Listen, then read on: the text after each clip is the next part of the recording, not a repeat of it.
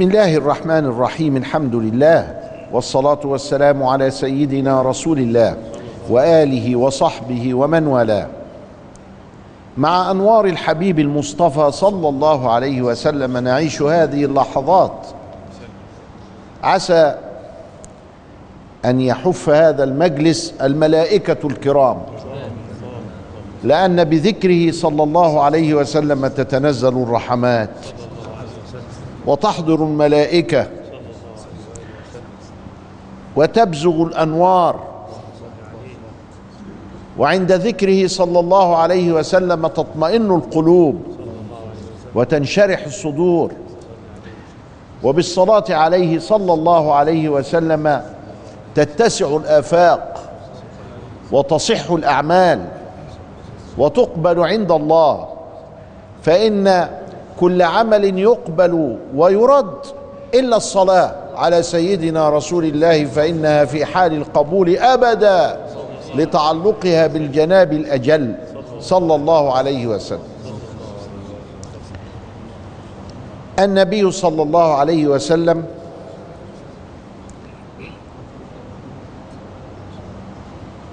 في أول سنة من سنين الهجرة بنى الدولة.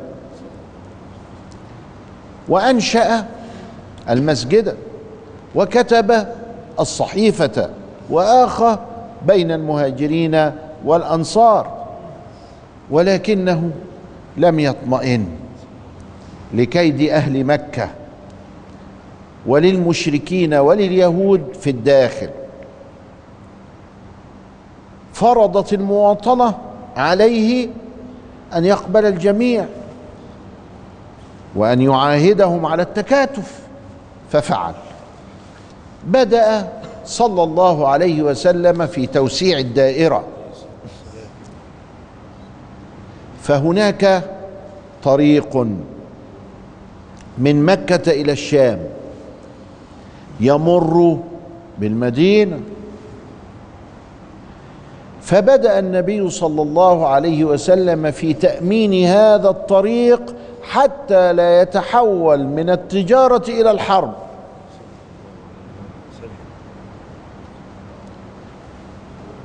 أناس قادمون من مكة للتجارة وأناس قادمون من الشام للتجارة. الشكل كده مفيش حرب. فإذ قد تحول هؤلاء وهؤلاء إلى الحرب يبقى المدينة راحت. حصل فيها ما يسمى في العسكرية الحديثة الكماش من فوق وتحت ويقضى على المدينة وهي فكرة لم تكن بعيدة عن أذهان المشركين. بعد كده بقى بسنين اتفق المشركون مع يهود خيبر على أن هؤلاء من فوق وهؤلاء من الأسفل كسارة. أو كماشه تكسر مين؟ المدينة. من الشمال والجنوب. فما يعرفش أهل المدينة. هيلحقوا من هنا ولا من هنا؟ فسيدنا النبي بيعلمنا إيه؟ يقول لك التفكير الاستراتيجي. نعمل إيه في التفكير الاستراتيجي؟ أحسنت دلوقتي وعملت معاهدات في الدائرة الصغيرة داخل المدينة. يثرب وسع الدائرة. وسع يبقى استراتيجي. على طول. كلمة استراتيجي أول حاجة في إنك توسع الدائرة وسع الدائرة فعمل كذا معاهدة في القبائل التي على الطريق إما بالمحالفة والولاء تقفوا معانا. وافقوا. بعض الناس وافقت. قبائل ووافقت وإما ألا تقاتلوا عدوا معنا. يعني يا إما بالسلب يا إما بالإيجاب. المعاهدات اللي حصلت على الطريق. ومنها جهينة على بعد ثلاث مراحل من المدينة. وراح بقى إلى رسم تأمين الطريق حتى لا يتحول من طريق تجارة إلى طريق حرب. واستعان بأهل المنطقة من المشركين ولكن في معاهدات دولية إنك ما تضربنيش إنك ما ينفعش تخل بالمعاهدات الدولية وإلا تكر عليك بعد ذلك بالبطلان ولا يصبح هناك معنى للكلام. ولذلك الناس بتتفق وتتمسك باتفاقاتها إلى أن تحقق اهدافها اذا بدأ في الخروج عن المدينة. أدي أول حاجة نقدر نقول عليها إيه؟ المعاهدات. أول حاجة المعاهدات. تاني حاجة البعثات. البعثات دي إيه بقى؟ البعثات والبعوث دي سرايا تروح تعمل استطلاع تشوف هي إيه الحكاية. طب ده طريق جاي من فوق ومن تحت وبيمر بالمدينة. هل في طرق تانية؟ هل في حاجة للمناورة؟ إحنا مش عارفين. فلازم نرسم الخرايط دي كلها. فبدأت ما يسمى في السيرة بالبعوث. البعوث يعني مجموعة كتيبة تمشي علشان تشوف الحكاية. ترسم لينا الجو تعمل لينا حاجة كده إلى آخره. إحنا فين دلوقتي؟ في رمضان. الحلقة اللي فاتت خدنا ربيع أول ربيع تاني جماد أول جماد تاني. والبنا اللي إحنا قلناه كله ده؟ يعني مع رجب وشعبان. فجه في رمضان فأرسل أول بعثة وعليها سيدنا حمزة. أسد الله. وعقد له لواء فكان أول لواء في الإسلام. وكان أبيض اللون. عقد لي راية كانت بيضاء وكانت أول لواء عقد لسيدنا حمزة. فذهب إلى سيف البحر. سيف البحر يعني إيه؟ شاطئ البحر. المدينة جوه مش على البحر هو راح سيف البحر علشان يشوف إيه الحكاية. يشوف الطرق يشوف الجبال يشوف حد هيلف لنا من هنا هيلف لنا من هنا. والحتة دي مضارب قبائل مين؟ جهينة. اللي هو عمل معاها المعاهدة. يبقى نمرة اتنين المعاهدات والبعثات أو البعوث. الاثنين دول هما الاستراتيجية بتاعته صلى الله عليه وسلم لحماية المدينة ضد مكر مشركي مكة واحتمال خيانة بعض الداخل. فذهب حمزة إلى سيف البحر. حمزة ده عليه السلام كان فارس نبيل شديد المراس يعني فيه عناصر القائد. لا يقبل الضيم مستعد للشهاده حاطط راسه على إيده. أدي معنى الكلام. لو رجعنا زمان كلمنا إن سبب إسلامه إن أبو جهل ضرب النبي وشتم. فلما جه من صيد كان بيعمل في رحلة صيد فقالوا له الراجل أبو جهل ده جارية قالت له الراجل ده شتم ابن أخوك وضربه فذهب فشج رأسه على طول كده ضربه في رأسه عوره حمزة عور أبو جهل وشتم وشتم الآلهة بتاعته وقال له انت بتمد ايديك على محمد هقطعها لك انت مش عارف ان أنا اسلمت. هو ما كانش اسلم ولا حاجة. طب أشهد أن لا إله إلا الله محمد رسول الله. فقام قريش على حمزة تمسكه وتحوش. فقال أبو جهل دعوه. فإنني والله يعني أقزعت لمحمد. يعني كلمت كلام وحش. وخد الخبطة والتعويرة اللي في راسه وأسلم حمزة. بعد الفاصل نرى ما الذي فعله سيدنا حمزة رضي الله تعالى عنه وأرضاه.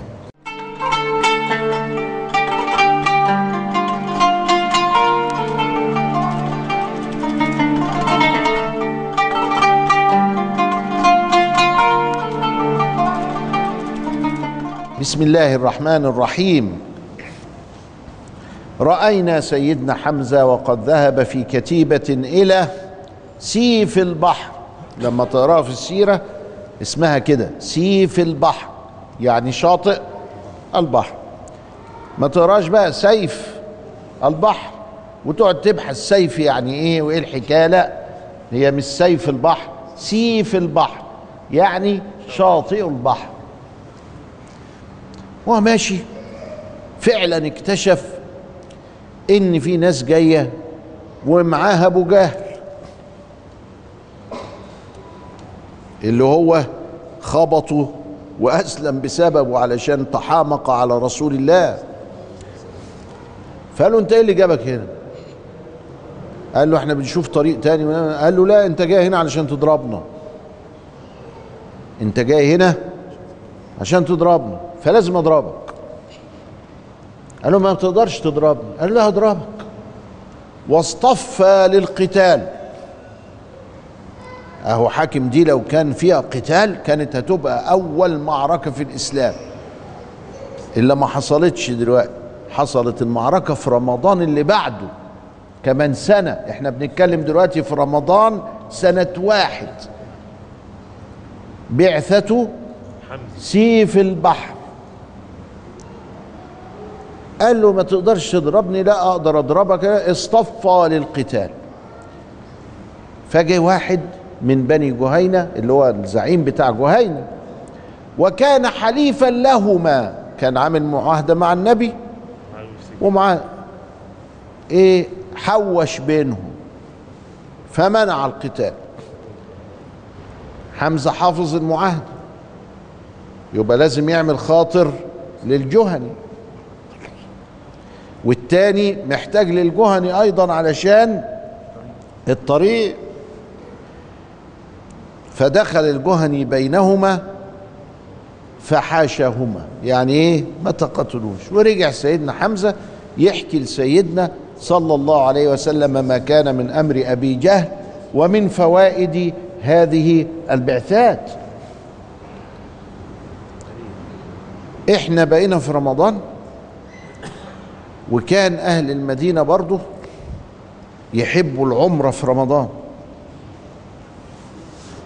فذهب سعد بن معاذ روح بقى أبو جهل وسعد بن معاذ راح في عمرة إلى مكة. لسه مكة مشركة ولسه فيها أصنام وكل حاجة. فذهب سعد بن معاذ إلى مكة معتمرا. فلما نزل أحس بأن المشركين هيعملوا مشاكل. لو شافوه. بينه وبين أمية ابن خلف تجارة ومصالح. أمية بن خلف كان يقولوا له إيه؟ يا أبو صفوان يا أبو صفوان. قال له يا أمية أو يا أبو صفوان أنا عايزك تشوف لي وقت رايق أطوف حوالين الكعبة عشان العمرة بتاعتي. أطوف حوالين الكعبه قال له طيب أنا هجيب لك وقت رايق تمام؟ يكون ما فيش حد إيه حوالين الكعبه إمتى بقى الوقت ده؟ في عز الظهر. الدنيا حر. وما فيش ظل ولا حاجة والدنيا مشتاق ومن الوقت ده ما تلاقيش حد حوالين الكعبه فخرج في عز الظهر كده وقال له يلا بقى طوف لأنه مفيش حد. ماشيين بقى رايحين الكعب عشان يطوف السبعة بتوعه وبعدين الصفا والمروة يبقى تمت عمرته. في وشهم مين؟ النكد اللي اسمه أبو جهل. لا اله الا الله لا اله الا إيه يا أبو صفوان؟ مين اللي معاك ده؟ قال له هذا سعد ابن معاذ. قال ها بتاع يثرب آه. والله لا تصل إلى البيت. وهنا أعلن المشركون منع المسلمين من العبادة. والله لا تصل إلى البيت أول مرة. ما أبو جهل ده زعيم مين؟ زعيم مكة. والله لا تصل إلى البيت. فقد آويتم الصباه مش أنتوا. اللي اويتوا المسلمين وكذا وعاملين لنا دوشة ابدا تصلش إلى البيت. فرد عليه سيدنا سعد بن معاذ فعلى صوته. ها؟ يعني عزة الإيمان خدته بقى. قال له والله يا أبو جهل أنت زي الكلام بتاعنا كده بالعامية نترجم. ما تسويش بصر. وانت مش قد الكلام اللي انت بتقوله.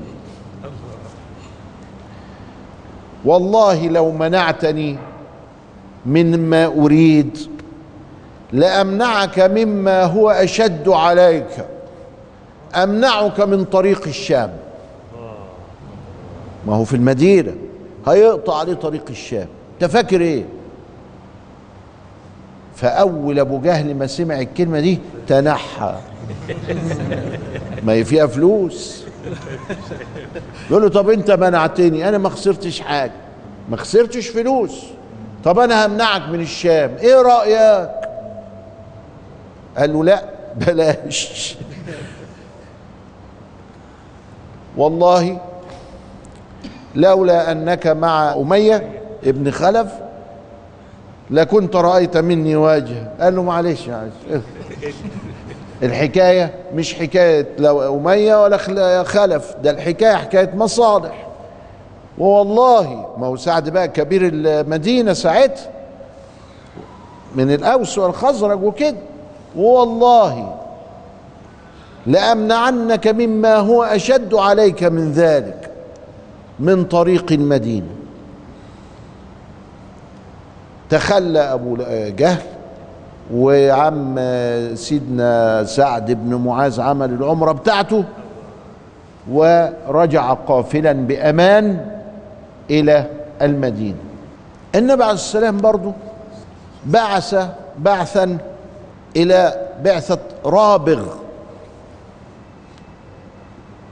وجعل عليها ابن الحارث بن المطلب. ورابغ دي برضو مدينة على البحر يبقى هم عايزين يدرسوا المنطقة دي. درسوها كويس. بعتوا واحدة واثنين وثلاثة وأرسل بعثة إلى بدر. علشان تشوف الحال إيه. جاي هيجيونا منين؟ وكانت حراسة سعد بن أبي وقاص إحنا قلنا إن سعد بن أبي وقاص جاءه يحرسه ليلة أبدا. ده كانت كل ليلة. عملوا بقى إيه؟ حراسة ليلية حتى نزل قوله تعالى والله يعصمك من الناس. فلما نزل قوله تعالى والله يعصمك من الناس أخرج رأسه من الخباء وقال انصرفوا. فإن الله سبحانه وتعالى قد عصمني. ابدا خلاص مش في حاجة إلى هذا. حراسة متتالية وشرطة تحتاج إلى تنظيم. مين اللي عليه الليلة؟ جه ما جاش سلاحه كامل ولا لا؟ هيقف فين؟ تنظيم. فجعل على هذا قيس بن سعد بن عبادة. وقيس بن سعد بن عبادة كان من العماليق كما ذكرنا كان طوله مترين وثمانين وكان إذا ركب الفرس خطت رجلاه في الأرض. واحد إيه يعني قائد كبير. وحفظ الله نبيه وحفظ دينه وأيده وسيؤيده إلى يوم الدين فهو سيد الكائنات. إلى لقاء آخر. أستودعكم الله. والسلام عليكم ورحمة الله وبركاته.